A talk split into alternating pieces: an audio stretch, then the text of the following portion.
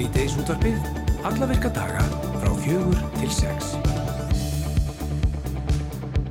Já, við bjóðum góðan daginn hér í síðdeis útvarpinu. Það eru Hulda Gestóttir og Kristján Freyr Haldásson sem að ætla að fylgja ykkur, já, fram að kvöldmatt getur við sagt nánast verðum hér til klukkan 6. Mitt, Hulda, uh, við komum við að við í þættinum í dag að venju og ætlum meðal annars að spjalla við konu sem farið hefur í göngutúr í öllum þjættbílis þjættbílispostnumurum landsins. Áslu Björn Gummistóttir hefur verið á þessu ferðarlægi frá 2020 og hún kíkir til okkar, allan lappi til okkar í spjallum þetta skemmtilega verkefni sitt. Við spyrjum hana út í þetta allt saman hér á eftir. Nú, flestar íslenskar bækur koma út fyrir jólin en það koma líka út bækur á sumrin en það njóta margir þess að lesa í sumafríinu. Við ætlum að mynda að ræða glænýja íslenska glæpasögu sem ber titilinn Utan Garðs og fáum til okkar höfundin Unni Lilju Aradóttur. Á morgun verður bóðu upp á fræðslugöngu í Grasegarðinum í Reykjavík þar sem að Svanhildur Björk Sigfúsdóttir, garðikjufræðingur, ætlar að kynna tre og runna sem njóta sín vel í heimagörðum. Þar kemur ímislegt til, svo sem vakstalag og blómaskrúð og við ætlum að taka smá forskot á sælun og fá Svanhildur til okkar í smá garðikjuspjall. Já og eins og við heyrðum hér í fréttónum á þann að þá hefur aðgengi að góðstöðunum aftur verið opnað. Þetta gerist núna eftir hátegi í dag og við erum að velta fyrir okkur hvort að þarna liggur bara ekki sko raunströymur heldur stöðugur ströymur af fólki líka og ætlum að slaga þráðin til Boga Adolfssonar. Hann er formaður Björgunarsveitarinnar Þorbjarnar og er stattur ásæðinu. Við heyrim í honum hér á eftir. Eftir um tíu ára þögn mun hljómsveitin Botleðja snúa aftur og það með stæl því hún ratar ragleiðis á svið Eldborgar í hörpu til að hita upp fyrir bandaræsku hljómsveitina Pavement. Sveitin Sú á sig marga áhangandur hér heima en hún er eina af þeim áhrifamestu sem að sprottið hefur upp úr bandaræsku neðjara senunni síðustu ára og tíu. Það voru margir sem fögnuðu þeim tíðundum að botleiða bætist í dasgrána en liðsmenn hennar þekkja tónlist Pavement mæta vel. Mm -hmm. Við fáum þá Heiðarörd Kristjánsson og Ragnar Pál Steinsson í heimsókn. Já, botleðju liða. Jú. Botleðju liða. Þetta er aðeins flókið. En við byrjum á allt, allt öðru. Flest tengjum við skötu át við þólásmessu en ekki hás sumar. Ásmundur Fridriksson hefur hins vegar bóðið upp á skötumessu að sumri við mikla vinsaldir undanverðin ár og messan í ár verður á miðugudaginn kemur og Ásmundur er á línunni. Góðan daginn. Já, komið þess aðeins. Uh, segð okkur aðeins, aðeins frá skötumessun í ár. Hún er, uh, já, hvar og hvenar og er uppselt? Já, nú held ég að séu bara svona eitthvað 20-30 meður eftir við það sem var selt í hátteginu sem Jóna Halla hafi gefið mér upp, sko. Það voru komin eitthvað 420 meður í hátteginu seldir. Nú skötumessan allir þessi gjáttífaskipti sem höldum hana í, í, hérna, í miðgarði á, á Sal Gerðarskóla í Garði, mm -hmm. Suðnisabæ og hérna þarna koma múur og markminni stór hópa fólk sem hefur orðið svona að svona skötu messu fólkinu sem að hérna gefa saman ár, árlega og, og þetta er svona orðin kunnuleg andlit og við þekkjum slórið og, og við erum í þessu saman. Mm -hmm. láta gott á leiða. Stundum við sagt að við sem að borða þig góðs.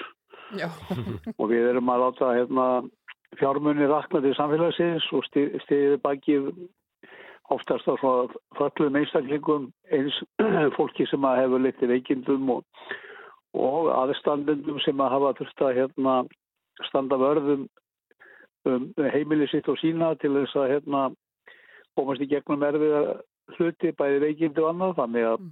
við drefum svona víðan niður fæti Já. þegar því kemur Hva, veistu hversu miklum fjármunum þið hafið sapnað á þessum árum, öllum árum sem þið eru búin að vera í þessu?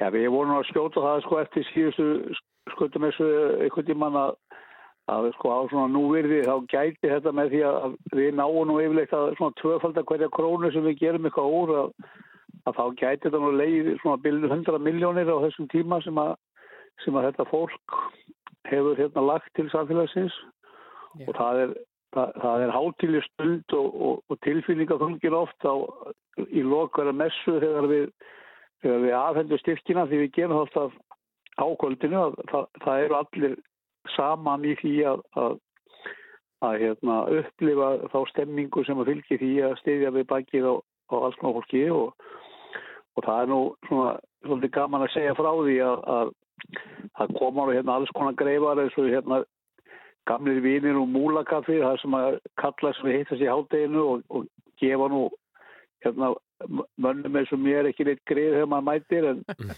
en þeir segja sko að hérna að þetta sé eiginlega eina stundin á ári sem að sé pott þetta er að fara að kráta Já. Þeim finnst þetta svo tilkomið mikið og já, og það er mjög greinilega, hóttum voða væntu þegar við sögum það sko já, og greinilega mikil svona samkend þarna.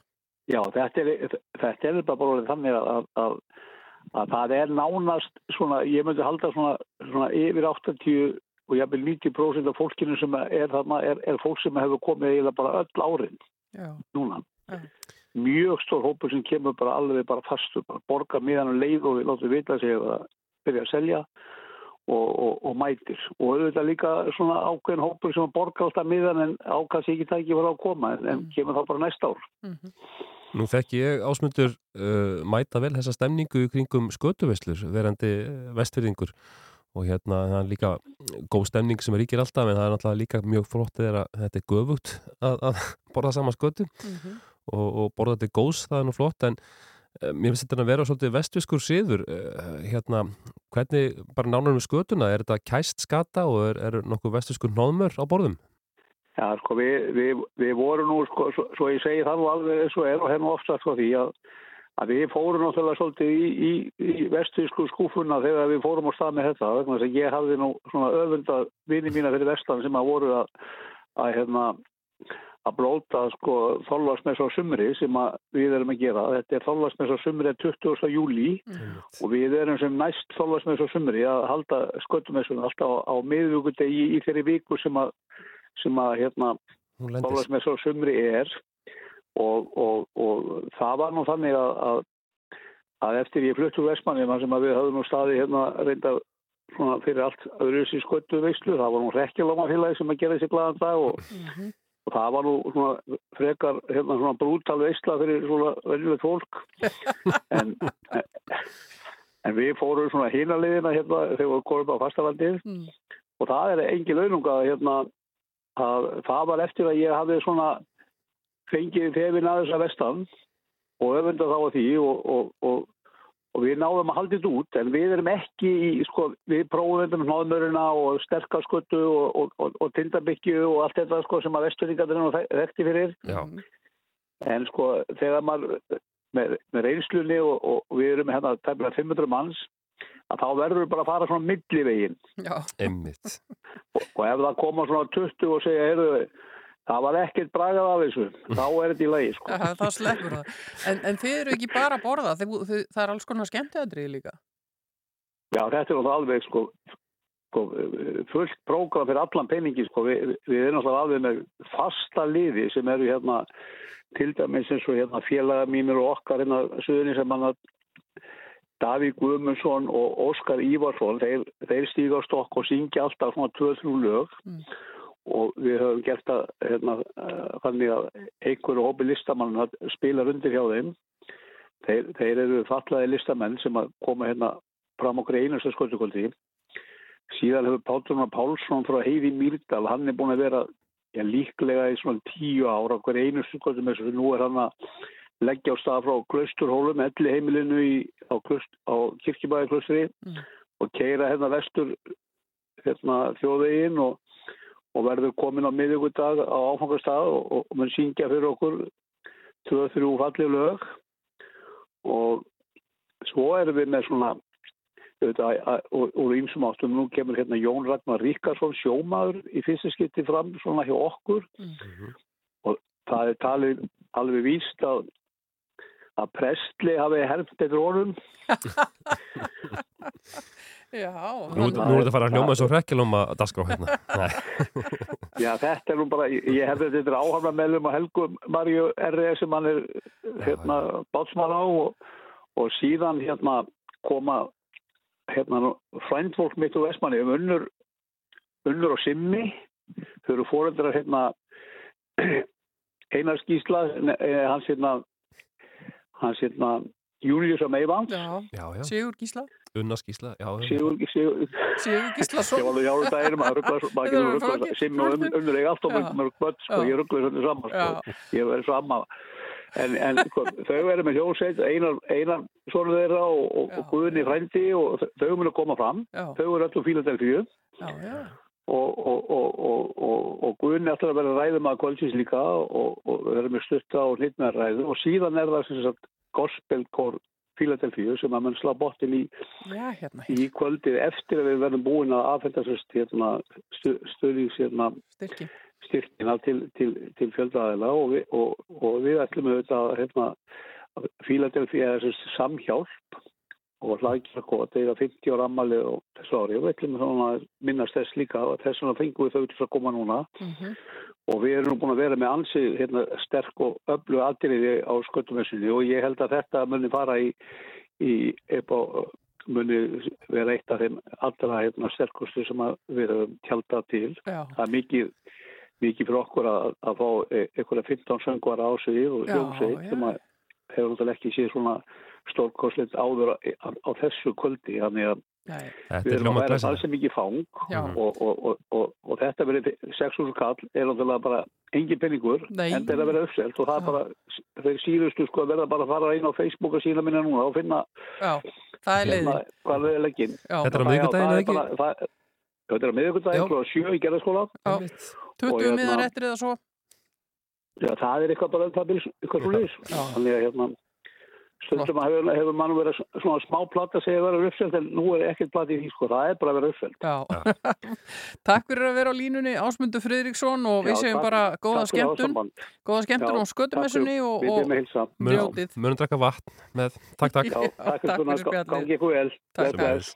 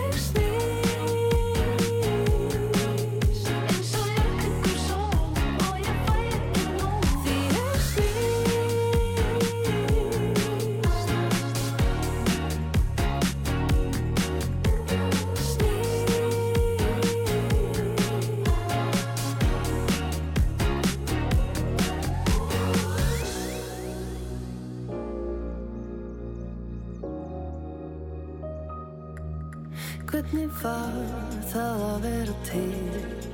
Þegar þú varst ekki mér við hlið. Því heimurinn Hann snýstir ringi kringum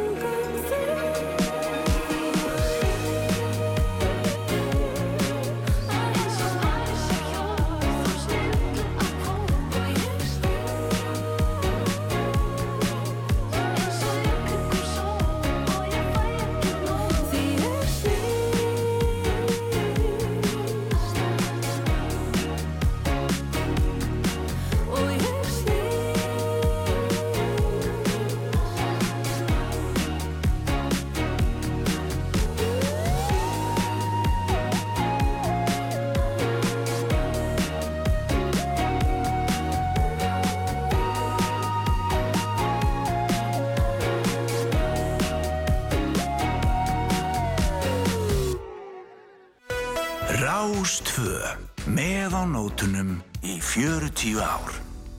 Já, við erum hér í síðdeis útarpunum saman Hulda Geistóttir og Kristján Freyr Halldórsson og við eh, nefndum það hér áðan að við ætluðum að slá á þráðin til hans boga Adolfssonar formans Björgunarsveitarinnar Þorbjarnar sem stattur er á góðstóðunum að sjálfsögðu. Góðan daginn, mm. Bogi. Góðan daginn. Nú var opnað fyrir aðgengi aftur eftir hátegi í dag og, og við erum nú bara forvitin að vita hvernig er staðan þarna hjá okkur? Uh, Flæðir fólk á, á við raunið? Ég held sér hans meira. Já, það er bara svoleiðis. Eru Já, það er svolítið komið slatti. og, og hvernig gengur þetta? Þetta rúla bara held ég sæmilega, sko. Þetta er náttúrulega bara koma fólku almenni bílastæðu og svona og það sé bara, já, leiðin er fín og veður er gott og Já, mengunin er lítil. já. Það hefur auðvitað verið megin uh, ástæða þess að ekki var opið. Það var þessi mikla reikmingun. Hún hefur sem sagt minkað eða, eða fæst. Já, svona er hann ástök á, á hérna sem gróðureldum svona með miklu harki og hérna og svaka vinnu hjá slökkuliðinu og liðunum. Það eru orðin nokkuð mörg slökkuliðin sem eru fann að taka þátt í þessu. Já, Var, uh, fannst þess að ég hafi heyrt í morgun að það var leitað að tveimur einstaklingum í nótt eða ekki eða í kjærkvöldi er fólk að fara Já, einhverja krókarleiðir hérna að þessu og, og svo finnst, fannst maður eins og að væri uh, sama þó að væri talað um það í gríð og erga að fólk ætti ekki að fara að svæðinum meðan var lokað en það var alltaf stöðu strömmur eða hvað já, kannski ekki alveg stöður, ég held að svona sé meira kannski túristar sem að detta á flugkluga og svona skilja mm. og hérna þeir voru svona meira að koma kannski frá Reykjanesbröðinni sem að var náttúrulega svipp og skiði hérna bara fyrsta árið þar sem að menn löpuði byrja átt að ljósi skilir og svo já, já. Hvernig á ég að fara tilbaka sko. Já, já, einmitt. En fyrir þau sem er að hlusta og eru jafnvel að velta fyrir sér að, að ganga þarna að, uh, þá eru þið að nota bílastæðin sem gerð voru síðast og, og hægt að ganga á tilbúnum stígum langleðina. Já, sko, við erum með já, all bílastæðin, þau eru klára bíl og svo er bara leiðin hann sem við kallum uh, manni hvað öllum að kalla hana síðan veradalaleiðina Mm -hmm. hún er, sko, við notum þessi neyðarleið í hinnum góðsonum hann er búið að gera hana rosalega fína og hún er nær langleiðin uppi til á útsýnistöðar sem að eru við búin að velja sem hún sérð fjallið best, skilji. Já. það er gósið og hérna og minnstamengunin eins og er núna og eru með annar stað svona í huga þegar að mengunin minkar að það svona og hérna svo eru bara gömlega leðnar á og, og, og sé bara opna líka skilji, það er bara já, fólk bara fínt að fara og, og njóta út í stærðan og, spjallaði björgstafólki og hafa gaman að þessu. Já, nú hefur verið tölvert mikil umræðabói um aðrar leiðir sem gætu verið stittri og við sem þekkjum eitthvað til þarna á þessum slóðum, uh, það er verið að tala þarna um Vítísavelli og Höskuldavelli og, og, fleiri staði þessi stittra fara þaðan og yfir. Uh, hvað segir þú sem uh, björgunarsveita maður og, og, og einhver sem þekkir mjög vel til þarna? Er, er þetta, væri þetta eitthvað sniðut sko, við getum gert endalasta leiðum að þessu, það er ekki vandamáli sko Mm. en það er, veist vegur sem er erðar kannski bara mold þá þarf að keira í hann, skiljum við stika leiðina Já, veist, til, með tilfallandi kostnæði skiljum við, sem er kannski bara til þarna og, og fólk kannski er ekki alveg tilbúin að fara í þennan kostnað fyrir þetta nei, veist, og svo eru aðri landareigendur og svo er hann að veist, það tæki mjög langa tíma klára vinnun á bak við það svo að sé hægt að nýta það kannski bara meðan gósið er. já. Og svo vitum við aldrei hvenar gósinu líkur. Nei, nei, það er svo er það er engin hérna, tímamörk á því það er ekki, það er ekki svona beint sjónastaskrá það er ekki Nei, líkur eftir 45 minútur eða eitthvað. nei. En eru þið, bói, eru þið eitthvað í björgunarsveitunum að taka út uh, svona hvernig fólk er búið áðurlega leggur á stað ef þið, hafi, ef þið sjáið þarna á bílastæðunum eða áðurlega fólk leggur á stað?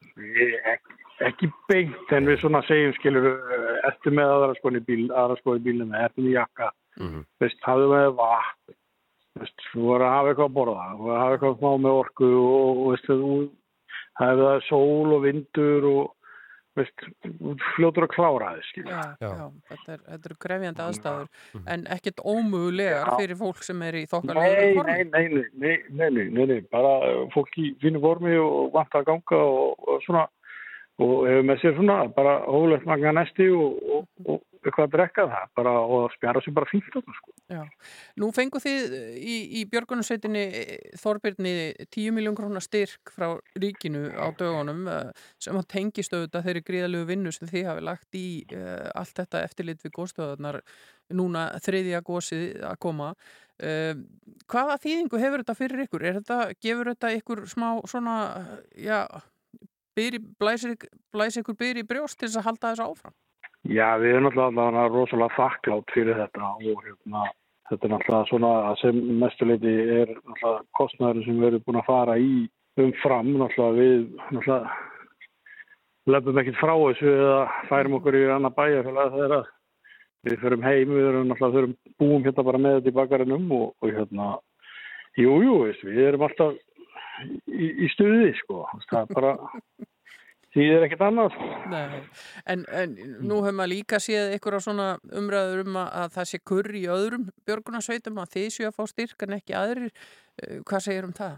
Ég bara helst, bara vil segja sem minnst um það sko. Já, og kannski er þetta bara eitthvað, eitthvað blaður. Já, ég held að sé svona, að ég er bara að segja stóra hlutum. Ég, maður helst bara ekkert vera að skvetta á svo nei. En væri kannski, sko. kannski eðlilegast bara að, að heilt yfir fengi björgunarsveitastarfi í landinu uh, ríkisnyrki? Mitt. Það er þetta á alltaf að styrkja við björgunar þetta starfið í landinu eins vel og hægt er.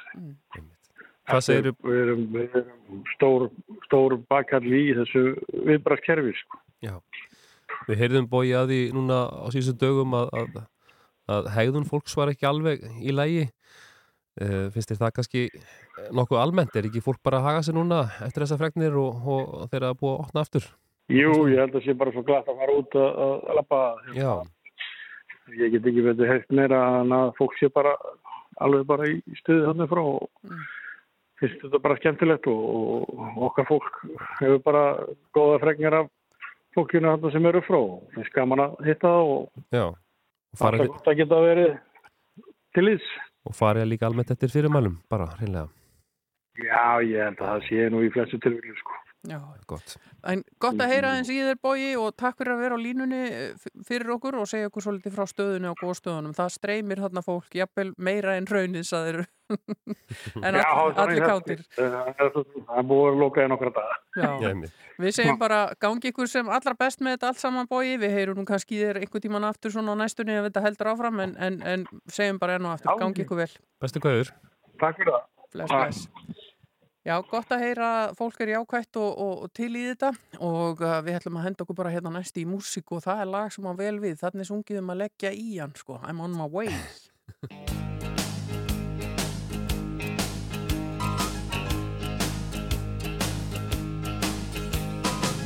I'm on my way from misery to happiness to thee. Uh-huh, uh-huh, uh-huh, uh-huh. I'm on my way from misery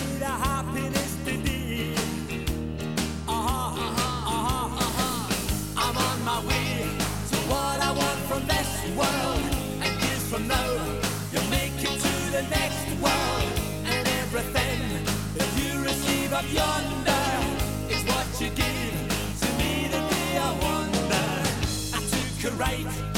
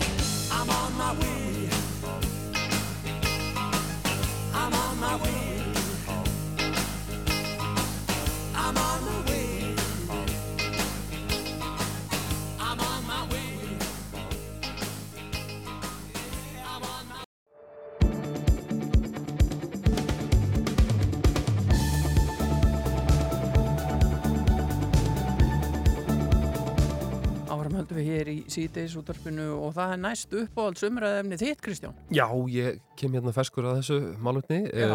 en á morgun verður bóðið upp á fræðslugöngu í Grasagarðinum í Reykjavík þar sem að Svanildur Björk Sigfúsdóttir garðvikifræðingur ætlar að kynna tré og runna sem að njóta sín vel í heimagörðum og ég nefnilega, eh, við vorum að huga að garðinum hérna hjá mér í hlíðunum hérna og, og við vorum að, að huga að gljávíði þar sem að sem að kemur vel undan vetri en við þurftum að, að hérna, þurftum að skera á honum síðasta, eftir síðasta sumar En- en það kemur að því en Svanhildur er komin, komin hérna til okkar Já, og það vertu að segja ykkur aðeins, aðeins frá ásut taka smá forskot á, á þessa, þessa fræslegöngu á morgun Já. Já.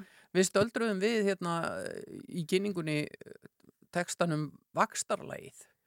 Þa, það skiptir máli, hvernig vakstarlag plantnana er upp á hvort að það er njóta sín í garðinum. Algjörlega, skiptir mjög miklu máli og skiptir líka miklu máli að passa på að klippa rétt og hugsa vel um plantinnar. Stundum er maður að gera algjörlega vitt, vittlisu. Það er gott að Já. fá fagfólk til þess að hjálpa sér. Já. Mhm. En til dæmis ef við tölum bara um það að klippa plöntur, nú er hásumar, e eigum við að vera að klippa plöntur eitthvað á sumri? Já, það er mjög gott að klippa á sumrin. Mhm. Það eru margar eins og reynitegundir og mjög gott að klippa plantur á sumrin. Það er að ganga svo vel frá sáranum á sumrin. Já, já. Mhm. Einhvern veginn er ég búin að býta það í mig að þetta sé eitthvað sem maður gerir bara á vorin og, og haustin. Já, nei, þetta er alveg ágætst tími en mann ætlar að svona laga plantunar heima hjá sér. Já. Já, já, En hvað eru já, algengustu eða vinsælustu tegundir í íslenskum görðum þegar kemur að trjám og runnum? Mm, það, eru þetta, það er að breytast svolítið að því hér áður fyrir að vera sett allt niður og engin held að neitt myndi vaksa. Mm En í dag sjáum við að það vex auðvitað allt eins og aspirnar hafa vaksið okkur langt, þú veist það er eiginlega of mikið í görðum í dag Já, að hafa aspir og maður maður myndi ekki setja ösp í garðin í dag endilega ef maður væri með venjulegan garð, sko. nei. En ég myndi segja þetta bara algengt að hafa svolítið mikið af runnum og til dæmis eins og toppum og sírunum og svona eitthvað blómstrandi fallega kvisti og Mhm. já, lingrósir eitthvað sígrænt eitthvað fallegt. Já. Og er, eh, sko, ég man að það var á tímabili var mjög vinsalt að svona afmarka lóðir með runnum. Mm. Er það ennþá eða er fólk allir komnir í skjólgeringarnar? Já, svolítið mikið. Það var múið mikið svona limgerði, fólk var alltaf með Já. limgerði en mér finnst það hafa horfið svolítið eins og víðurinn hefur mingað, fólk er að setja eitthvað allt, allt annað. En já, það er mikið búið að breytast.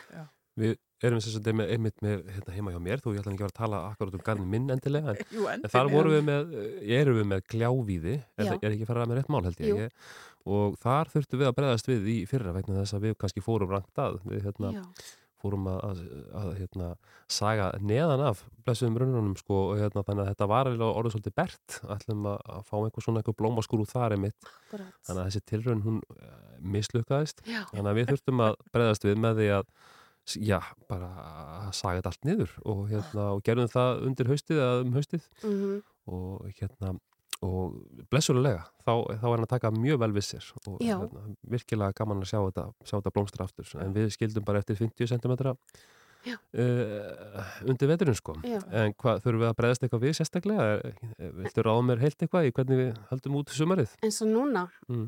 ég myndi kannski bara leifa hann að vaksa svolítið núna því að fyrst þú gerir svona mikla breytingu í fyrra, Mm þá er gott að hann jafnir sér svolítið vel og þá frekar að hugsa að klippa næst, næsta vor. Já, Ég myndi hugsa það. Leon var spretta Já, svolítið núna. já. Kanski einhvern ábyrg? Já, mjög gott að gefa ábyrð og ég, yfirleitt það er kannski, nú erum við komin inn í miðjan júli en það er alltaf að gefa ábyrð núna en ekki mikið setna. Nei. Já. einmitt. Það er svona, við drögum mörkin svona við Já. þessa viku kannski. Já, svona. Já. En að. En, en svo er líka uh, svona fleiri vandamál, kannski ekki bara vankunnótt á okkar hérna á amatöruna, heldur að það er hlutir eins og þessi blessaða byrkikempa sem er einhvern veginn búin að leggjast á að. Akkurat. Og mér finnst eins og hún, hún sko, sko blöðin eru alltaf komin út á byrkirununum mínum þegar kempan er búin að eðilegja þau. Já, þetta er líka sérstaklega vond vor núna því að plantunar fengur svo mikið áfall Mm. og þær eru svo lengi einhvern veginn að koma til eins og núna byrkið og margar plantur er bara rétt svo að löfgast líka við núna já, af því þetta vor var svo slemt en mér finnst eins og það sé aðeins minna af svona óverum í ár vegna þess að plantuna voru bara fyrst og fremst bara valla byrjar þegar óveran er að byrja líka og en við, við getum eiginlega ekkert gerst við þessari byrki kempi að neitt svo leys. Nei. Þetta er bara komið til að vera. Og þetta er bara eitthvað sem að plöntunar munu þá einhver leiti aðalega. Já, ég held það. Er þetta ekki til til að nýtt myndir? Hérna, Jú? Jú, svona kannski Nokkur ára. nokkur ára. Já. Myndi halda þessu svona Mm. tíu ára. En hvað með uh, sko svona fjölærar plöntur í garðina því að öll höfum við gaman að litskrúðum sumarblómum Mm. og, og mörg okkar náum í soliðis en það er líka gaman að vera með plöntur sem að sjá svolítið um sig sjálfur og koma Ah. aftur og aftur. Hva, hvað er sniðut þar? All, það er svo margt. Það er alveg endalist þar, sko. Mm. Það er bara ótrúlega margt bóndarósirnar og, og hérna bara það er svo endalusar. Já, það er eiginlega ómart til þess að- telja. Já.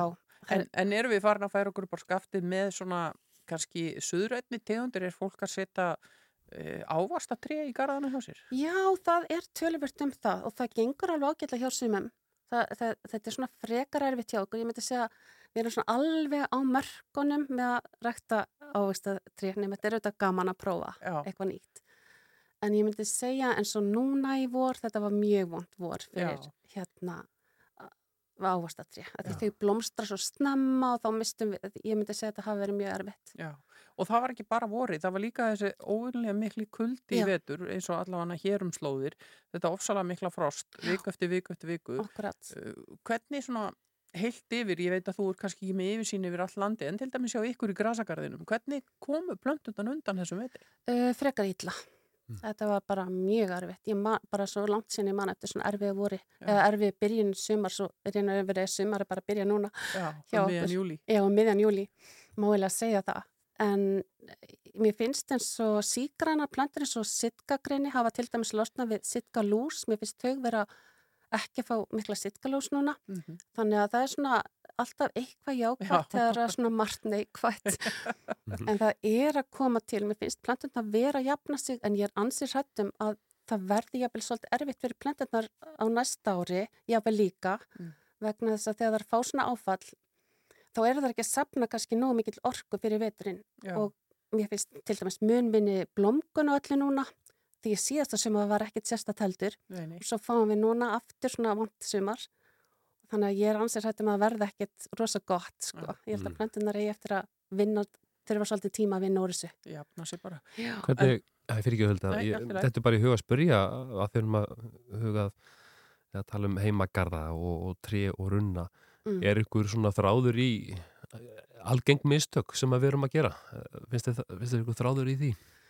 Já, mér finnst algengt að fólk klippi alla blómgun af plantanum sínum. Mér finnst Já. það svolítið leðilegt Ah, þú veist eins og til dæmis kvistir og uh, þeir blómstra yfirleitt á setna á, á uh, greinina sem kom með í fyrra. Mm. og svo klippir fólk allt í kúlur og það missir alla blómgunina árið setna og mér finnst Já. svolítið maður að hugsa þetta. Já, eru mörg mistök og mér finnst algengt í dag að fólk klippi allt og mikið allt. Staðan fyrir að hugsa hvað má ég kannski klippi kúlur Mhm. að því sum tólaði alveg Já. en en aðra tegundur ekki En sko þetta virkar mjög flókið að klippa í ykkur svona kúlur og ykkur flott, flott munstur. Er þetta, Er eitthvað trikk við þetta? Er, er, notuð eitthvað svona form eins og kökuform? eða? Mm, Nei, alls ekki. Nei, þetta er nú oftast nær bara eitthvað velklippur og eitthvað svona, Og eitthvað tilfinning já, bara? já, Það er ekki svona Já. súpuskálinn ofan á haus Emils hérna. Nei. Það er ekki skálaklipping. En þú ætlar, Svanhildur, á morgun að, að taka á móti fólki í, í grasagarðinum hér í Reykjavík Alveg rétt. klukkan 6 á morgun og, og hvað ætlar að gera þar? Herði, við ætlum bara að taka svona stutt lappi kringum garðin og ég ætla bara að ræða svona trí og runna sem við göngum framhjá. Já, Ég ætla bara svona að segja frá hennum ímsu, ímsu trjámarunum. já, kynna fólk fyrir þessum tegundum Já. og, og það er nú kannski ekki tilvalið að gefa góð ráð í leiðinni. Ég held, held að þetta má mæta hulda. Vi, Einmitt. við, ég sko, þú ert ekki í útsendingu á morgun, þú ert að fara að mæta hana. Ég næði kannski ekki alveg. Herri, En ég, mér heyrist þér ekkert veit að því, sko. ég verði. Klassikar. Já, kannski bara gerum við það þannig. En uh, takk fyrir að gefa þið tíma til að líta við hjá okkur, Svanhildur Björk, Sigfúrsdóttir Garðirkjufræðingur í Grasagarðinum í Reykjavík og við minnum sér satt á fræðslugönguna þar á morgun klukkan átján og fólk bara mætir þarna við ingangin. Já, já, alveg ókipis. Frábært. Takk Já. fyrir að koma. Takk fyrir samleiðis.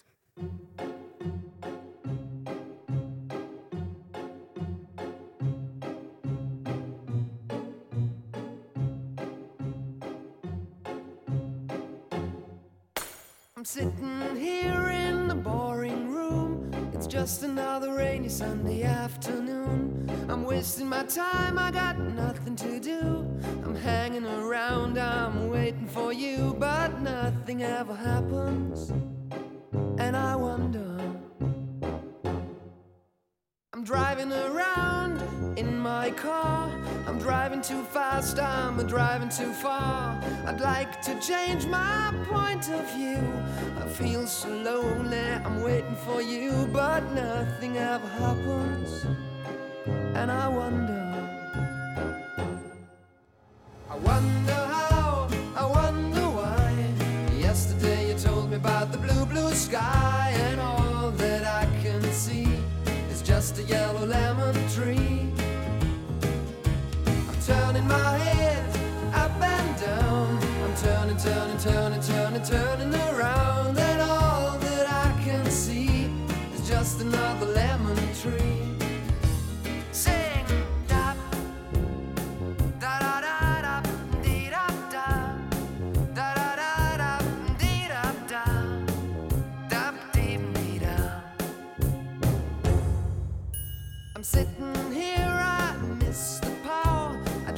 go out, taking a shower, but there's a heavy cloud inside my head.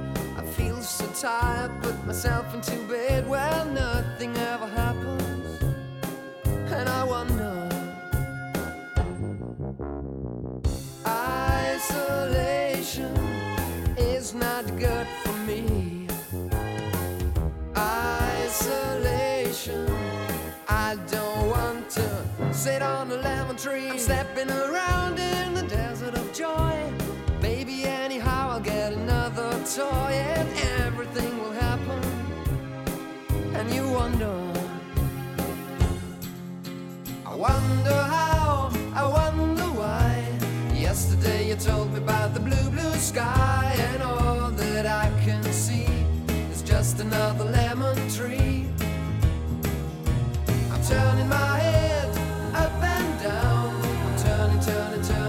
turning, around. that all that I can see is just a yellow lemon tree. And I wonder, wonder, I wonder how, I wonder why. Yesterday you told me about the blue, blue sky. And all that I can see, and all that I can see, and all that I can see is just a yellow lemon tree. Já, þau eru kannski ekki mörg sítrónu trían hér á Íslandi, að minnst að kosti ekki úti við, en einhver er kannski að, að rækta þetta í uh, já, gróðrúsum, það er aldrei að vita. Þetta var gammalt og gott. Þetta var frá árinu 1995 og heitir Lemon Tree, mörg sem að muni eftir þessu lagi eh, með hljónstinni Fool's Garden og ég heyrði þetta nefnilega í gær í þáttunum Mhm. Rattir Rásar 2 sem er alveg stór skemmtilegir svona, já, sagfræðilegi þættir getur við sagt, Já. tengdir 40 ára ammali Rásar 2 og, og ég mæli með að fólk tekja því. Og þetta lag var mögulega að spila nokkur sinnum hann Hugsanlega spilað í á spa. dag, nokkur sinnum dag. Síðdeis útvarpið alla virka daga frá fjögur til sex. Veðurhorfur næsta sólaringin. Ætlum að fara yfir veðrið uh, næsta sólarhingin eða horfurnar uh, norðan og norðvestan 5-10 metrar á sekundu en 10-15 metrar á sekundu austast. Víða bjart veður en þyknar upp norðan til í kvöld með dálítilli vætu norðaustalands í nótt. Skíjað á norður og austurlandi á morgun með lítisáttar vætu norðan austan til en bjart sunnan og vestanlands. Hiti 8-20 stig, hlýjast sunnalands en svalast við norðuströndina fyrir. Pólandi á norður og austurlandi á morgun Þetta er nú alveg svolítið svona uh, tekník, getur við sagt. Já. Hiti á bílinu 8 til 20 stig. Já, einmitt Uh, ég veit ekki alveg hvort maður til í 8 stígin en, en, en uh, 20 stígin þykjum við alveg svo sem að það getur orðið. Þetta er svona eins og að fá viðunandi til ágætt á ein, einhvern spjaldi. En þetta er, eh, ég held að sé einhver, einhver, einhver hérna, hlínandi eða ekki í kortunum. Við skulum bara orða það þannig. Já, þeir segja hérna í hugleðingu viðurfræðings að það þykni upp norðan til á landinu í kvöld og þá kemur úrkomu bakki inn á norðaustanvertlandið í nótt Mm. Og þetta verður til þess að það verður áfram strekkings norðvestanátt austast á landinu morgun en hægari annar staðar. Svoleiðis að, að, að síðan segir hérna í lokin að það sé útlit fyrir hæglætis veður út vikuna Já. en reikna megi með dálítilli vætu öðru hverju, engum í formi síðdegi skúra inn til landsins. Þetta er fara að hljóma svona eins og í útlöndum húst, er hlýtt og gott að koma svona smá skúrir Smá væta fyrir gróðurinn og trí og runna í heimagörðum. Í heimagörðum og líka gróðureldum hérna á kostuðunum. við viljum svo sem alveg, alveg slökk í þeim. Það, það er ekki spurning. Einmitt. en það er spurning með, með sítrónutrén sem við vorum að, að, að, hérna syngjum hérna áðan. Uh, Já. en uh, hérna framöndan hjá okkur í síðdeis útdarpinu við erum auðvitað hvergi hætt. Við ætlum að uh, tala um nýjan íslenskan krimma hér rétt á eftir, strax að loknum fimm fréttum allar hún að setjast hjá okkur Unnur Lilja Aradóttir. Já, hún er uh, höfundur að uh, nýri glæpasögu sem heitir Utan Gars, þetta er ekki hennar fyrsta bók. Hún er meira segja veluna höfundur. Já. við fáum að vita meir um það Og svo betur fyrir að koma bækur út að sumri til. Það er mjög góðu tími til að lesa, fólk að fara í frí kannski Já. og mælum með því að fólk grípi bók með sér. Svo ætlum við að, að spjalla við hana Áslögu Björtu Guðmundardóttur. Hún er búin að fara í göngutúri öllum þéttbílis postnúmurum landsins, hvorki meirinu vinna. Og uh, svo ætlum við að fá hérna, já, tvo þriðju af góðsagnara kendri sveit. Já, botleðju. Já, við fáum um söngara og, og bassaleikara hljómsættarinnar sem ætla að koma hér og segja ykkur aðeins frá sinni endurkomu ef svo mætti orða. já, Þeir eru að koma eftir tíu ára hlið og, og, og rata beint upp á, svið í Eldborg já, já, í Hörpu. þeir eru nú ekkit vanið því að vera að gera hluturna neitt með hangandi hendi, það er bara þannig. Þannig að, þeir koma hérna til okkar heiðar og, og, og raggi úr botleiðu uh, undir lokþáttar, þannig Já. að missi nú ekki að því en það eru auðvitað fréttir frá fréttastofunni á slæginu klukkan 5. Við ætlum að fá svolítið tónlist fram að fréttum, uh, heyrum í hljómsveitinni Vök hér næst og uh, þetta er lag sem heitir Lost in the Weekend.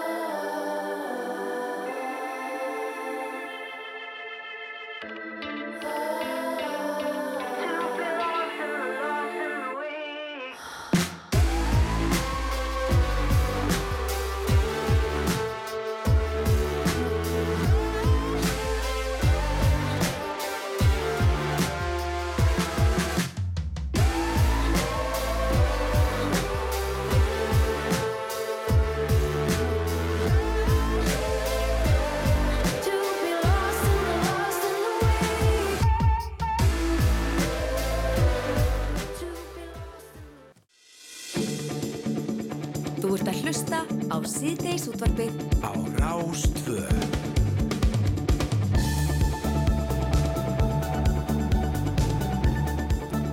Þá heilsuðu aftur við Hulda og Kristján Freyr Já, eftir frettinnar og setni, helmingu sítis útarps tekur við. já, það er klassist að tala um setni hálfleikin alltaf í þessu samvingi. Setni hálfleikur. Já, það er setni hálfleikur í okkur í Einmitt. og við nefndum það hér fyrir fréttir en ef þið voru ekki að hlusta þá að þá er ímislegt sem við ætlum að spjallum hér við ætlum meðal annars að fá til okkar tvo þriðju hljónsýtarinnar botleðju sem snýr aftur í næstu viku og fer þá beinustu leið á svið Eldborgar í Hörpu við ætlum líka að uh, ræða aðeins við konu sem hefur farið í göngutúri öllum þéttbílis postnumurum landsins.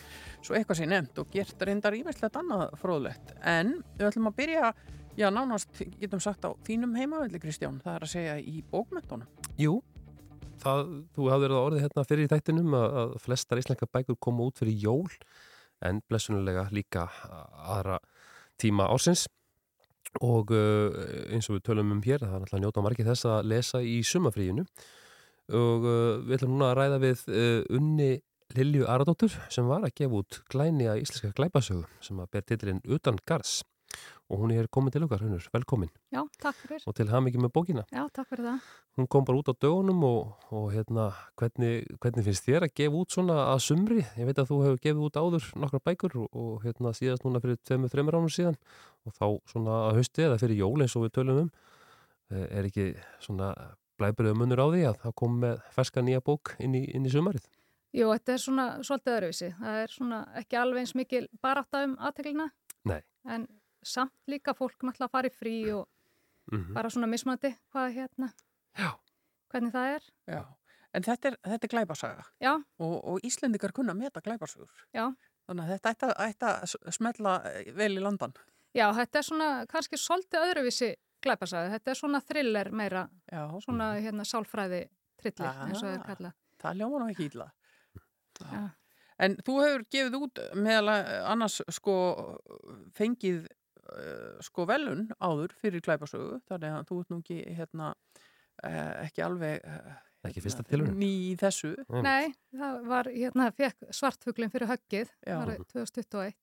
Og, og hvenær byrjaði að skrifa? Hefur alltaf verið að þessu alveg bara síðan þú varst lítilega? Eh, Sko þetta hefur byrjað svona í kringu 2010 sem ég byrjaði fyrir alvöru að Já. hérna skrifa en ég held þetta hafi nú bara verið í mér alla tíð inn í höfðunum mig bara. Já. En En- tókstu þá eitthvað svona meðvitað ákvörðu, nú ætlum ég að gefa mér tíma og, og orku í þetta? Í raunin ekki, í raunin kom bara hugmynd og ég bara fann að þetta var eitthvað sem ég yrði að Já. gera að bók Já. og hérna það tók nú alveg hátt í tíu ár sko hérna koma Klára henni, það, já, já. að klára það verkefni sko en þetta var, já, þetta var bara eitthvað sem kom, ég fann það bara að ég yrði bara að skrifa þetta niður. Spennu sagna formið, það finnst þér að henda, henda þér. Svona, það er náttúrulega mjög margir sem að hafa farið þá leið og, og hérna, búið að vera mjög vinsælt uh, spennusögurnar bara síðustu 20 árun eða meira og það er náttúrulega mikill hraði í þessu þannig að kannski fara áhangandur þínir að heimta að komi ein bóka ári allavega Já, þetta er svolítið svona en uh, samt sko var það eiginlega óvart sem ég fór inn í þetta glæpa hérna sögu Já. brautina, þannig að þess að þegar ég skrifaði höggi þá fannst mér það ekki vera að ég var ekki að skrifa glæpasögu, Nei. ég fannst ég vera meira að skrifa svona eitthvað persónulega dramasögu, Mm. en svo var mér bara bent á að senda þetta í svartfugluna því að þetta væri bara glæpasaga Já, já. og ég pröfaði það það, þannig að hérna eftir það þá fannst mér þurfa að vera svona aðeins á þessari braut Já, til að hérna Þessar línu. En, en þessi, sko, titillin, utan garðs, það getur þýtt svo margt. Um, um hvað er þessi bók? Þetta er um fólk sem verður utangars í litlu samfélagi og hérna það tekið á svona alls konar samfélagsmálum í þessar bók. Bæði hérna er fátækt, hérna innflytjendamál og bara svona klíkuskapur sem verður stundum í litlum samfélögum. Þótt að sé náttúrulega kannski ekkit algilt en Nei. hérna, Gerist í litlu, litlu þorpi já, þetta gerist í litlu ónefndu þorpi Já. út á landi. En her, byggiru það sem þú skrifar á einhverju upplifun eða lífsreynslu eða uh, kemur þetta til þín annar staða frá? Sko þetta blandast svolítið, þetta er náttúrulega mikið bara algjör uppspunni Mhm. en eh, ég hef reykjum á að það er samt sko eins og maður að horfa heimildamindir og alls konar, eh, ég var eiginlega búin að gleyma því en svona sprotin að þessu er hérna bara hérna bandarisk heimildamind sem ég sá um hérna úlingstelpu Mm. sem bara lendi svona svipuðu atviki eins og gerist í þessar bók og hérna það var svona kveikjan kannski helst að söguþræðinu. Já. En ert þú svona típan sem ert alltaf með minnisbók í vasanum og, og, og skrifa niður hugmyndir hvar sem þú ferð? Nei, alls ekki. Þetta er allt inn í höfðun á mér, þannig að stundum svolítið erfitt að sækja það. Það hafa komið margar eh, virkilega fínar spennusögur út á Íslandi og, og hérna það var kannski erfitt eh, svona í fyrstu að sjá fyrir sér að það væri svona mikið að glæpum á Íslandi. En hérna nú er þetta orðið bara einhvern veginn Já. lífrænt allt saman. Ertu, fylgistu vel með uh, þessum, þessum flokki bóka hérna heima og lestu þessa höfunda sem að hafa verið að gefa út ég bara því miður hef ekki haft mikinn tíma til að lesa. Nei. Þannig að ég hef lesið mjög lítið eftir aðra höfunda. En ég hef svona aðeins verið að reyna að hérna, svona af og til að hérna, sjá hvað er í gangi. Já. En ég bara les ekki mikið sjálf, þannig að ég verð bara að viðkjanna það. Það þarf ekki endilega að fara saman. En, en sko, hvað tekur langan tíma að skrifa svona heila bók? Það hefur verið mjög misjæmt. Með, hérna, ég var mjög fljótt að skrifa höggið. Það kom bara mjög fljótt, sko. Þessi hefur verið aðeins lengri svona í, í pípunum, en hérna... En getur, hefur geta leiftir að vinna við þetta alveg? Ertu komin alveg í skrif eða vinnur, gerur eitthvað fleira? Eins og er kannski svolítið típist fyrir íslenskt uh, hérna, listafólk og, og, og, og höfunda. Já, ég er í fullri vinnu sem sjúkraliði á hjúkranaheimili. Það er bara... Já, þannig að þú er kannski á nætuvakt og, og, og, og, og svo skrifandi á daginn eftir, Já, eftir morgun úr. ég vinn mikið á nætunar og þá er, hef ég alveg tíma til að hugsa og það er mjög gott, sko. Ég held að ég get ekki verið að skrifa ef ég væri í fullri dagvinnu. Það væri ekkit svona pláss fyrir það. En það er ekkert að myndast einhverja hugmyndir hjá þessum myrkum göngum hjúgrunarheimilann á nótunni. Hvernig væri að setja upp góða glæpasögu á hjúgrunarheimili? Jú, jú, það hefur alveg og það er alveg svona, verður ábyggilega einhver tíma. Já. Það kemur einhver svona, hérna, saga Já. frá, hérna, elli heimilinu. Það getur nú örglega líka gerst eitthvað ræðilegt hérna í, í sjálfhúsinu Göngum ríkisútasins, eitthvað annað en, en leki, þakleki og tæknibílanir. En þú varst að aðeins að, aðeins að imbra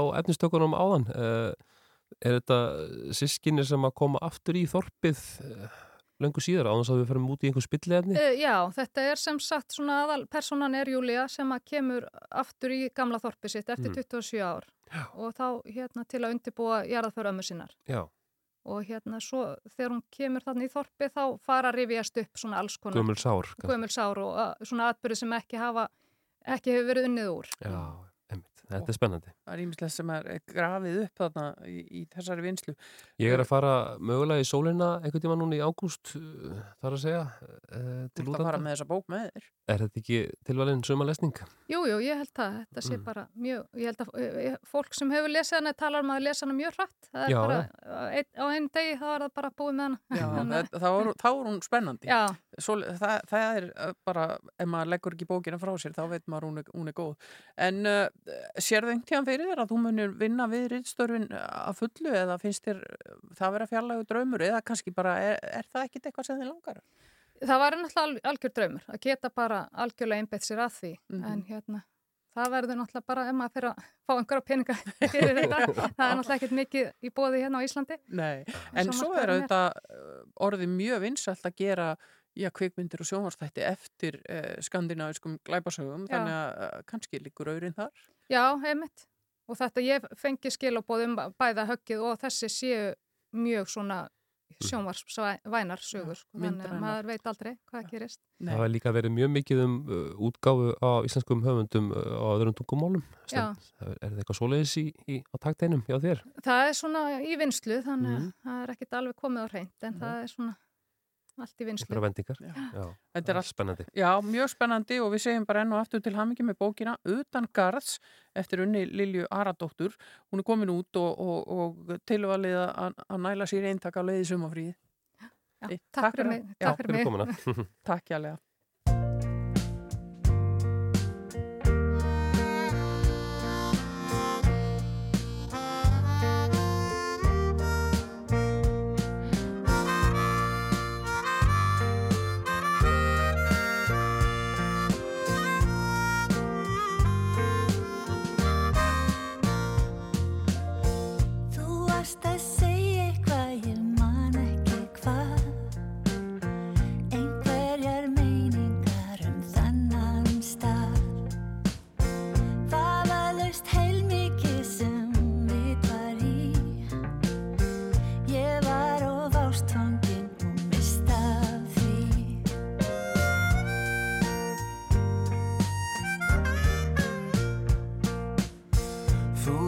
Að segja mér frá sjálfri þér.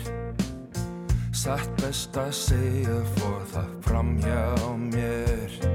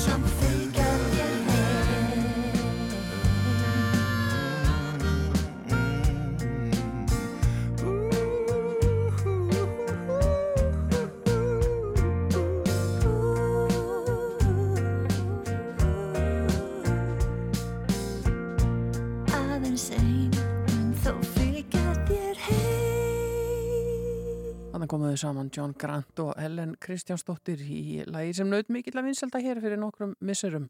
Veldu stjörnu, heitir það? Þú ert að hlusta Á síðdeis útvarpið á Rás 2. Já, svo sannlega. Við ætlum að tala svo litið, uh, já, við konum sem við segjum að sé göngugarpur en hún uh, mótmælir því, það sé kannski ekki rétt að lýsingin, við fáum meir upplýsingar um það, en við ætlum að tala við hana áslögu Björtu Guðmundardóttur. Hún er búin að vera á ferðalagi frá 2020, ekki samfleitt samt, og taka sér göngutúr í öllum þéttbílis postnúmerum landsins. Og þetta fannst okkur mjög forvittnilegt, þannig að við erum búin að fá hana einnig til okkar. Velkomin. Takk fyrir að koma til okkar. Segð okkur uh, bara, hva, hvaðan kom þessi hugmynd? Þetta byrjaði eiginlega í COVID, þannig að hausti 2020. Já. Þá var maður náttúrulega bara svona á röltinu alla daga, eitthvað svona einanbæðir, það var ekkert annað að gera. Telja bánsa í gluggum og Já, eitthvað. telja bánsa í gluggum og allt lokað og ekkert að fara. Já. Og hérna, mér var svona farið að leiðast að lappa svona í, í nákrenni heimilisins, þannig að ég hugsaði með mér, gæti, kannski verið gaman að taka uh, lappitúr í öllum postnúverum á höfuborgarsvæðinu Já. og ákvaða að gefa mér bara svona einn mánuð í þetta, oktober og fór eitthvað svona að skoða þetta og setja upp Excel-skjal og þetta voru svona að gera þessu úr þessu. Og þetta voru 22 postnúmer sem sagt á Reykjavíkur höfuborgarsvæðinu og ég kláraði þetta í oktober og þetta var svo gaman. Og maður fekk svona það var hver gett að fara inn náttúrulega minni hvernig þetta var á Já, þessum já. tíma þannig að maður var stundum að lappa með fólki sem að maður þekkti þá sem bjói við komandi hverfum og svona þannig að Frábært. Þannig að þetta var bara virkilega gaman og þá svona datt mér í hug, fekk ég þessa hugmynd að útvika þetta og, og hérna taka þá, halda áfram sumarið eftir og taka þá bara landsbyðar þéttbýlist númerin líka. Já, þú kláraði sem sagt postnúmerin hér á höfbúkarsæðinu í oktober segiru 2020 bara. 20. Og svo Svo fórstu 21, sumarið 21, þá held ég áfram og Mhm. tók þá Snæfellsnesi, Vestfyrðina og svona einhvern hlut af Suðurlandinu. Og svo í fyrra sumar, 22, þá svona fór ég hringin með allskyns út út úrum. einmitt. Og þá var það svona Hrísei og Grímsei og Norðausturhornið og, og svona öll þessi, allir þessi litlu staðir. Já. Og hérna, en það var eitt postnúmer sem var alltaf eftir og það var Vestmannegar Já. og ég kláraði það í gær. Fórstu bara sérstaklega til þess? Já, til þess að klára þetta og þetta var frábær dagur. Er það ekki? Alveg dásamlegu sumadagur. Já. Og náður að, draga einhverja með þér í þessa göngutúra oft á tíðum? Já, svona að miklu leiti. Já, Ég hérna, var nú aðeins að skoða þetta hérna áður en ég kom til ykkar og mér taldist til að það hefði verið 17 labbitúrar sem ég hefði tekið einn mhm, en restina, sem sagt, já, þá var ég í einhverjum félagskap. Já. já. Þannig að það er nú, það er nú gjamalegt. En, en sko, ertu með tölfræðin á hreinu varðandi hvað þetta tók langan tíma? Og þá meina ég kannski ekki alveg hver göngutúr sem slíkur heldur bara verkefnið í heilsinni ef þú pakkar þessu öllu saman. Sko ég tók ekki, þú veist, þetta var ekki, hérna, ég tók ekki tíma lengt, kílómetra lengt eða neitt svoleiðis á Nei. Ég gerði það ekki. Nei. Þetta var bara fyrst og fremst gaman og ég var aðalega bara að tikka í þetta að taka göngutúr í hverju postnúmeri. Þeir voru ekki alltaf mjög langir, stundum var ég í stuða og þetta voru alvöru göngutúrar en sumstaðar var þetta bara svona einhver smá ringur í kannski róki og rigningu og kaffibólla á enn einum eða eitthvað. Já, En, hérna, en það var bara allur gangur á því. já. En þú tekkaðir í síðasta bóksið á þessum lista í gær. Já, Og hvernig líður þér þá í dag? bara vel. Ekkert svona engin tómleiki? Já, pínu kannski, ég svona var að veltaði fyrir mig þegar ég vaknaði í morgun hvað ég geti mögulega að láta mig detti hún næst. Já. En hérna, það kvarlaði að mig hvort þetta taka dreifbílisnúmerin en ég held ég ekki í það. Hvað eru þau mörg?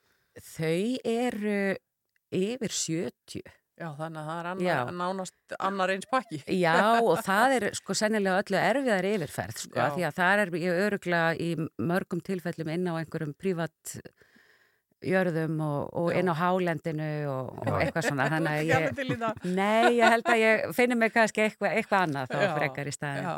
En þegar við, við fórum að fletta þær aðeins upp hérna og forvitnast um því að þá, þá sáum við að hér á bara heil heimasíða sem heiti bara áslögbjörn.is Já, þannig að það er ímislegt sem þú ert að bralla Já, þannig að já. ganga, ganga þér til hressingar já, já, já, já. Hún er nú reyndar aðeins kannski komið tíma á upphærslu á þessari heimasíðu. Mm. En hérna, já, já, ég er búin að vera að gefa út svona einhverja bækur svona svolítið síðustu árin. Búin að vera smá hlýja á því síðustu, kannski Já. tvö árin meðan ég er í göngutúrunum. Já. Sko. Já, já, maður skrifar ekki lappandi. Nei, Já, en, en þú, ert, þú ert, hefur verið að vinna í svona hlutum sem tengjast já, bara mannrækt og Já. heilun og, og, og svona sjálfsrækt einhverju. já, já. Og það er svona um, eitthvað sem að ég hef verið að fást við í mörg, mörg ár. Já, Og hérna, og já, hef bara gaman af öllu sem tengist mannlegu eðli, sjálfsrækt og, og hérna, um, var að ljúka núna í vor líka sálgjastlunámi. já, Þannig að það er svona svolítið að fléttast inn í þá heilunina og. Og, og, og, getur já, falla göngur og göngutúrar vel inn í þetta svona já, fyrirbæri? heldur betur. Einn besta sjálfsrættin kannski. Já, Einmitt. eiginlega. Og ég, hérna, það er allavega svona mínu upplifun að, að hérna, ef eitthvað sækir á hugana þá vinnur maður aldrei betur úr því heldur en í góðum göngutúr. Hvort sem að maður er einn eða með góðu spjalli. Einmitt. Öðrum. En hvað stendur, er, er eitthvað svona eftirminnlegt af þessum göngutúrum þínum um um hérna landið hérna, nú séð ég allt í hennu fyrir mér svona eins og Forrest Gump eða, eða Reyni Pétur var mikið af fólki Hún er ekki eins skeggjur. það var ekki svona uh, hópur fólk sem að eftir þig á Já, röndum en, já. en hérna þú Það var nú ekki alveg svo sko, en, en hérna, ég reyndar sko, að ég tók alltaf myndir á hverjum stað Já. og svo þegar, það er svo margt sem að maður sér ekki fyrir en eftir á og ég sé að ég voða mikið verið svona í einhverju svona náttúru skoðun. Já. Það er sjórin og það er einhverju fallegu gróður og, og eitthvað, en svona eftir á að hyggja, kannski, kannski er það hugmynd að taka aðra umferð þar sem að ég er að leita upp er svona eitthvað svona skrítið og skemmtilegt fólk. Já. Ég gerði ekki mikið af því. Gæti tekið landan á þetta. Ég gæti tekið landan á þetta. Já, Farið annan ring. Já. og gefið bóku kjölfarið Já, já. En þetta var svolítið svona og hérna, ég er nú mikil kísukona líka en hérna það er svona eftir á að hekja líka þá hitt ég ekki mikið af köttum nefnir Reykjavík Já, Mm. Það er var nóg að þeim hér. Já, það var svona einn og einn á landsbyðin en þeir voru flestir Já. á Reykjavík Þeir Sækja, sækja í bæinn. Já. Já, þeir eru félagslindir Já, Kúl. en, en svona heilt, eins og þú sagðir, það var ekkit alltaf gott veður og þetta hefur kannski stundum verið, já, bara smá krefjandi að, að svona berja sjálfa sig áfram í verkefninu. Mhm. Hvað var það sem að ég held þér gangandi og keiriði áfram í, að, í áttina lokatakmarkinu? Mér fannst þetta bara gaman og ég held að það var bara fyrst og fremst það sem að hvettum áfram. Mér fannst þetta bara gaman. Mhm. Ég ger yfirleitt ekki mikið af því sem mér finnst ekki gaman. það er afskaplega góð lífsbyggi. Já. En uh, gaman að, það var gaman að fá þig í heimsókn, við getum líka sagt það. Uh, einhver ný verkefni á prjónunum hjá þér? Nei, nei, bara eitthvað skemmtilegt. Já. það verður að vera gaman. Er það ekki bara sjósundi næst eða eitthvað svo liðs? Henda þér í hverja höfn? Nei, það er svo mainstream. Já, það er óvalið. Finn eitthvað annað. En við veltum fyrir okkur áðan við hulda hvort að þú hafi lappað hingað Nei. Ég gerði það reyndar ekki. Nei. Ég bý nú bara hérna í hlýðunum þannig að það hefði nú verið hær heimatökin. Já, já. Ég held ég að verið dóltið þreytt eftir vestmanni að ferðin í gær. Já. Þannig að Ég, Tókst vel á því það. ég fór, kom á bílnum. Já, þú mátt nú líka vera hérna, bara stolt af þessu og, og fá aðeins kvíld í dag það Hvíldardagur það var í að dag. loka hringnum í gær Virkilega spennandi. Við býðum spennt eftir næstu hugmyndum þínum. Þú kannski nýppir í okkur þegar þú fer að gera eitthvað skemmtilegt næst. Ég geri það. Ha, aldrei að vita hvað það geta orðið. og við mælum með göngutúrum Já. um allt land Algjörlega. Og fyrir líka bara þetta, kannski forfinnilegt líka fyrir ykkur að leita upp í fleira fólk sem er að gera svona eitthvað. Mhm. Ég hef svolítið verið að hugsa það líka. Hvaða, þetta fólk að úti sem er kannski að gera eitthvað. Ég veit að fólk er, sumir er að finna allar kirkjur á landinu eða alla vita eða Sundlaugar. sundlaugar, þú veist, það er ímslega svona sem hafa verið heyrt, sko. Það Sendið okkur línu, það er bara einfalt. sdu.ru.is þannig að við tökum við öllum ábendingum um áhugavert og skemmtilegt fólk, það er ekki spurning. Áslaug Björn Guðmundadóttir, takk fyrir að koma við hjá okkur í sítiðis útarpinu og gangi er vel með það sem að þú tekur fyrir hendur næst. Takk fyrir. Takk, takk.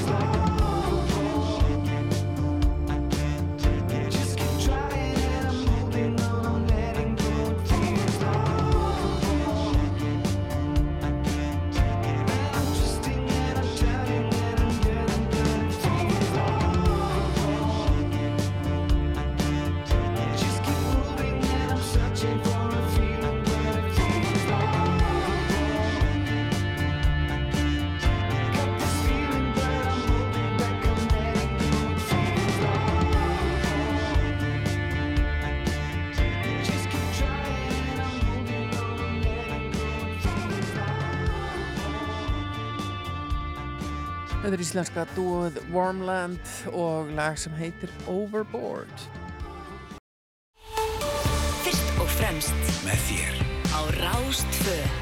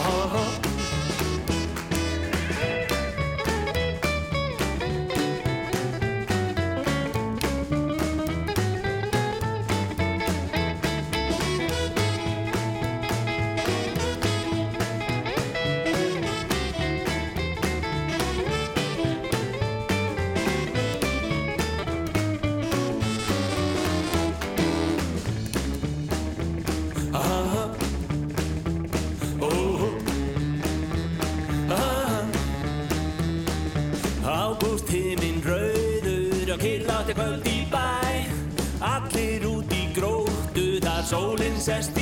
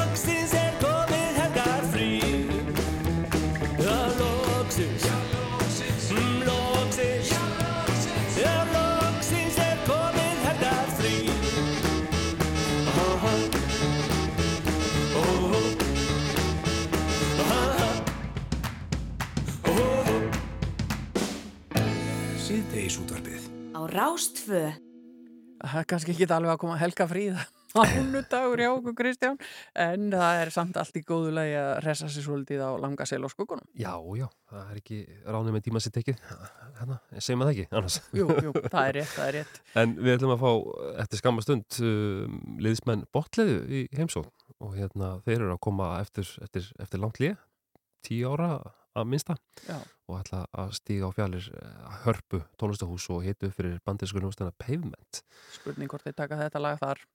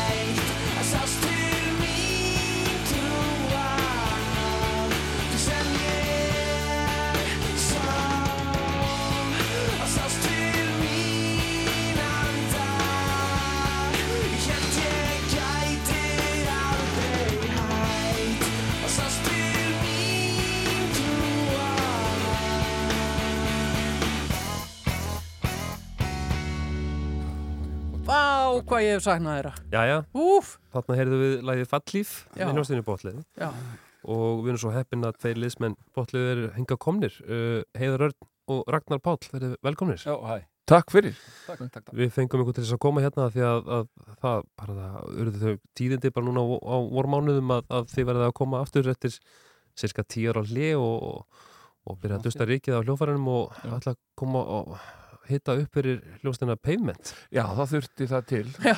Einmitt. Það þurfti pavement Einmitt. Til að draga okkur upp úr uh, gangstittinni. Og það er góðið með ykkur. Hvað, Já. gaukur og stöng, er það ekki alveg næs líka? Það hefði verið, verið næst sko. Gaukurinn var geggja síðan, þegar sko. hann var niðri sko. Já, við, fyrir tíu árum þá vorum við, Tíu ár síðan, pælti því. já, ég veit það, þá vorum við á gögnum tvö kvöldur röð uh, með comeback. Hvort var tíu eða ellu ári Rosalega gaman, sko.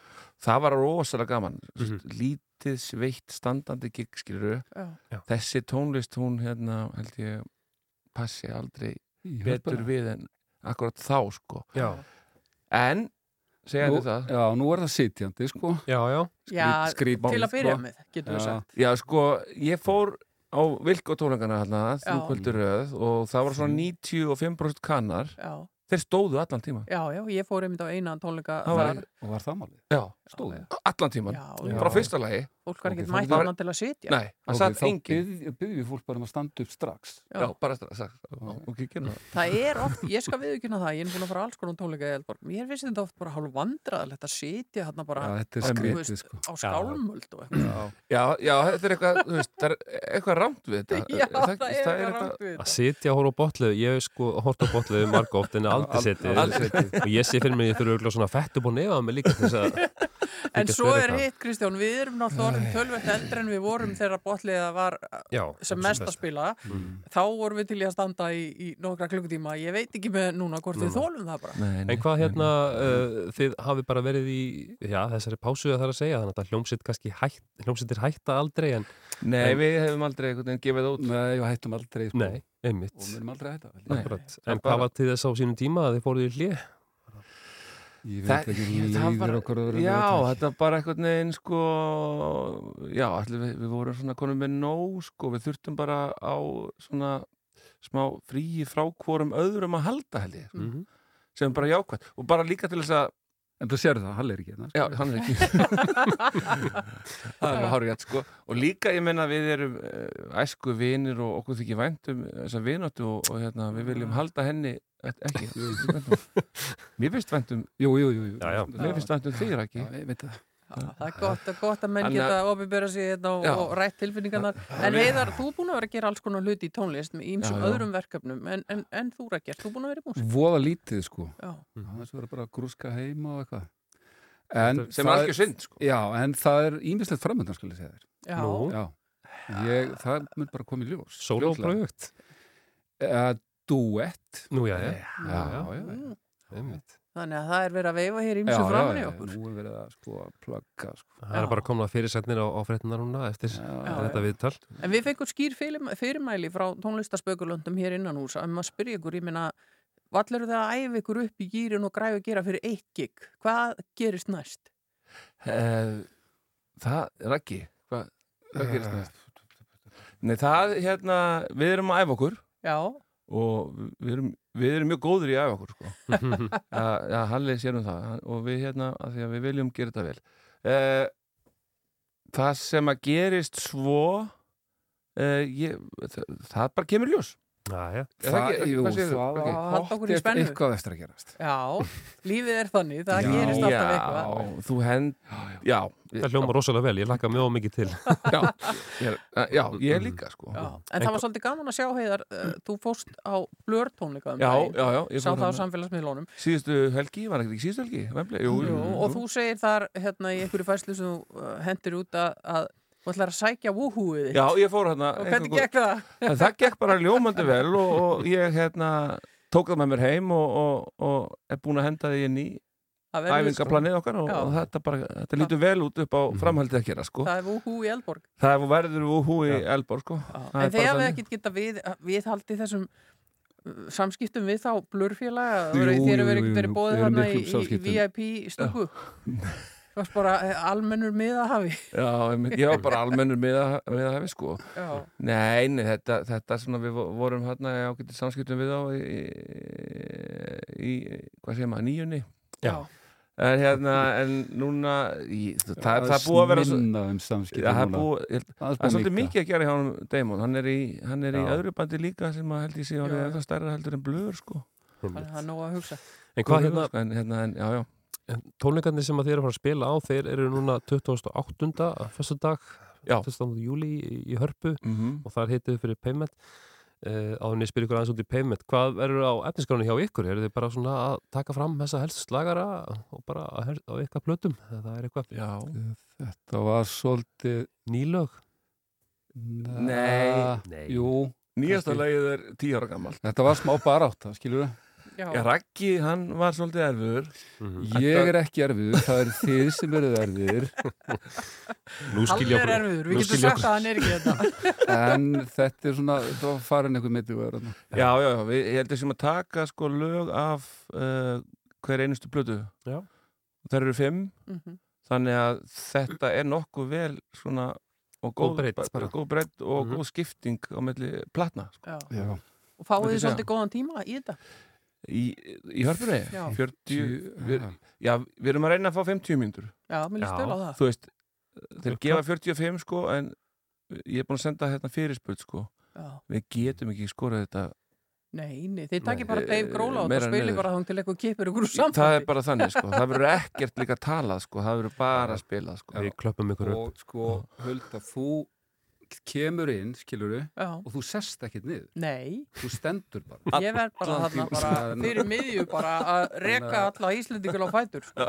Ekki drugg. Algjörlega maður. En uh, hljómsveitin Pavement uh, voru þið að sækja að hlusta á þessa hljómsveit á sínum tíma mikið? Já, já, það var bara hérna 94 þegar Krúkitir einn, Krúkitir einn kemur út Mhm. þá hérna þá byrjum við að hlusta á, á Payment Mhm. Og hérna og hún rúl fara að rúla í öllum þessum partíum ásamt öllu hinnu sem maður hlusta á þannig að þetta var bara eitt af þessum stóru böndum sem ma maður hérna elskaði og Einhver inspirasjón kannski? Já, já, ykkur? þó að það Já, heyrist ekki kannski, sko. þú veist, Mm. beint, þá eru alveg lög og lög sem að, og það, einhvern veginn það sem að ég tek út úr payment, það er þetta slakkar kærleisis Mhm. dæmi, sko, sem að við svolítið tókum út úr, út úr þessu stundum og notuðum í okkar, sko, Mhm. attitútið, sko, þetta, þú veist, þeir eru ekkert að reyna að vera neitt annað en, en þeir eru, sko. Það er gaman að sjá þessa endurkomu þeirra og einni ykkar. Er, er langt síðan að þið byrjuð að æfa? Flótlausar æfingar, marga mánuði? Nei, nei Hvað eru búin að vera? Tvo, Nei. tvo skipti eitthvað Þriðja aðeimingin er á morgun Herðu Við gefum ekki Nei, þetta er Við, bara er, við erum vel að þér sveipað dugn. Við erum við einhverju vöruhúsnaði í Hafnafyrir núna Já, já, Já, já. já, já, er ekki bara vel við hæfi. Jú, jú, jú, við erum búin að vera duglegir og, og hérna og, og hérna, alveg í hvað- En það er endar eitt sem ég þurfti að ræða Nú hérna býttu, skilurðu. Já, já. þetta kom það Sko, að því ég er ekki á samfélagsmiðnum Mhm. Og uh, les ekki fréttir og horf ekki á sjón þannig ég veit eða ekki neitt Já, þannig að þú sér En ekki sko, hvernig ég þeir er eru að að tala fara um að þig. gifta mig í haust Já. Þú veist það þó. Ég veit það þó uh, og hérna sko, er búin að senda út bóðskort og fólk getur farið sko inn á heimasíðu þar og staðfest sko Ég hvort það ætla að svona- koma í brúðköpið eða ekki sko. Ég fekk svona bóðskortu daginn, ekki þitt brúðkaup reyndar, ég er Nei, svolítið sveitt ok. yfir því, en þetta var bara Þetta er svolítið flókið, En ég vil sko. bara minna fólk á að gera þetta sko, þú ert ekki, alltaf ekki að koma Byttu, byttu, byttu Alltaf það ekki að þú ekki Það er ég að búin melda mig inn á Já, þú ert að stað, þú veist, ég er ekki að fara að borga Það er heimasíða Ég er ekki að fara að borða afganga í Er- tvö ár Er, skilurðu. er einhver heimasíða eða eitthvað? Það er heima sig Herðu, það var aldrei þess að það var eitthvað framundan. Þið voru að tala um þetta að það var ekkert framundan og svo bara Og brúðkup og bara, læti. bara koma þess að sko. Já, mjög gott. Þannig ég þarf að melda minna á heimasíðu Já. upp á matin að gera og, Já, og, já, já. og þetta allt já, já. En Raggi, Já. sko. Ætlar hann að taka lagið í þínu? Alveg pottið sko. Það er gott að eiga það samveilegt. Herðu, en var þetta ekki allt í vöðvaminninu, lögin ykkar? Jú, Það lá grund á þessu sko Já, Það er svona Það þurfti aðeins að svona staldra við Þú veist, Mhm. áður við töldum í og svo svo var bara svo kom þetta bara sjálfur sér Já. Var ekki? Þannig að við megum búast við fleiri tónleikum en það ekki. Við hljótum að, hljótum að sjá það. Við erum að íta, eins og íta reyna að fá það, meira það upplýsingar. er hérna í- það ég, na, við skulum bara sjá til Ef við höldast öndum alla tíman í hörpu þá kannski er vonað einhverju. já, já, já, já, það var búist já, fyrir, já, já, Það verður viðmið, það verður viðmið. Takk strákar fyrir að líta við hjá okkur, Heiðar Örn Kristjánsson og Ragnar Páll Steinsson úr Botleðju. Þið verðið á sviðinu í Eldborg þann 28. Já. júlí næstkomandi, annan föstudag Já. og uh, Föstudag, já. eitthvað eftir á miðum. Já, það er eitthvað eftir að miðum á all kvöldin, hann er að hérna, um að gera að, að hérna, fyrir tónlistar og menna að kíkja þetta því að Pavement er, er, er merkilegt band sko Já. Og sömulegis bótlið. og svo, já, Já, takk við fagnum þessu innilega. Já. Þetta er góð samloka. Takk fyrir að koma, Hvað- strákar. hvað- Hendum í, í payment hérna. Heima síðan, hvað hva, hva, hva, Þú verður að kíkja á bóðskortið Já, ég ætla að lesa þetta bóðskort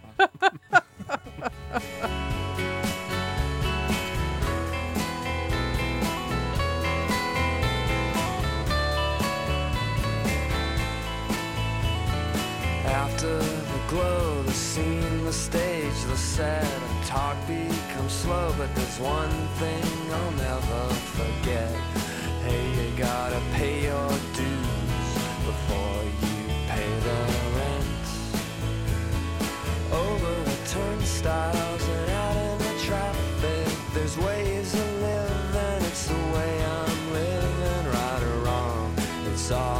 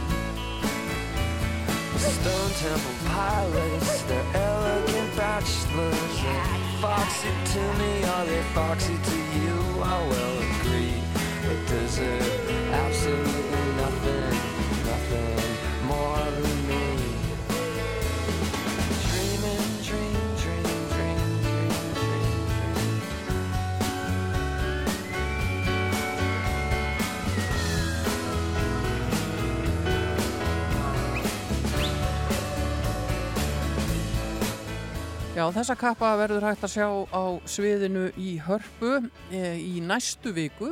Þrennir tónleikar í röð. Og það Já. eru þrjú uppbytunarbönd Já. á samt botleði er hérna líka Mammút og, og Skakkamanna G. Já, þrjú íslensk bönd sem hitu og það verður fjöldi erlendra gesta sem kemur. Þetta er svona svipa fyrirbæri og, og, og Vilkó gerði hérna í hörpu og, Já, og fleiri kannski.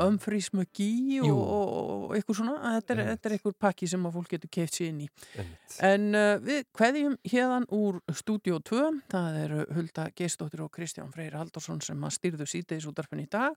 Framundan eru auðvitað uh, eldúrsverkin, það er Rósa Birgitta með uh, blandaða tónlist fram að sjónvarsfréttum og svo er það kvöldvættina sjálfsögðu í kvöld allt eins og það á að vera hér á rásinni. Já, takk fyrir að vera með okkur í síðdeis útarpennu í dag. Verðum hér aftur á morgun. Endum þetta á Túvilú og hún segir það deyr enginn úr ást. Við tökum bara undir það. We were so magical, why end this way? I know you're furious, you're just like me. You got good reasons, but I do too. What really happened here? I wish I knew. It escalated so fast. We held things we can't take back. It escalated too soon.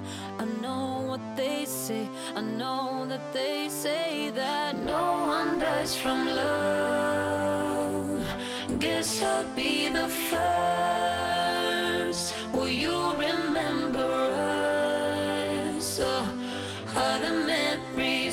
Stay with blood now? No one dies from love. Guess I'll be the first. Will you remember us? Oh, are the memories to stay with blood now? I try my best with you. You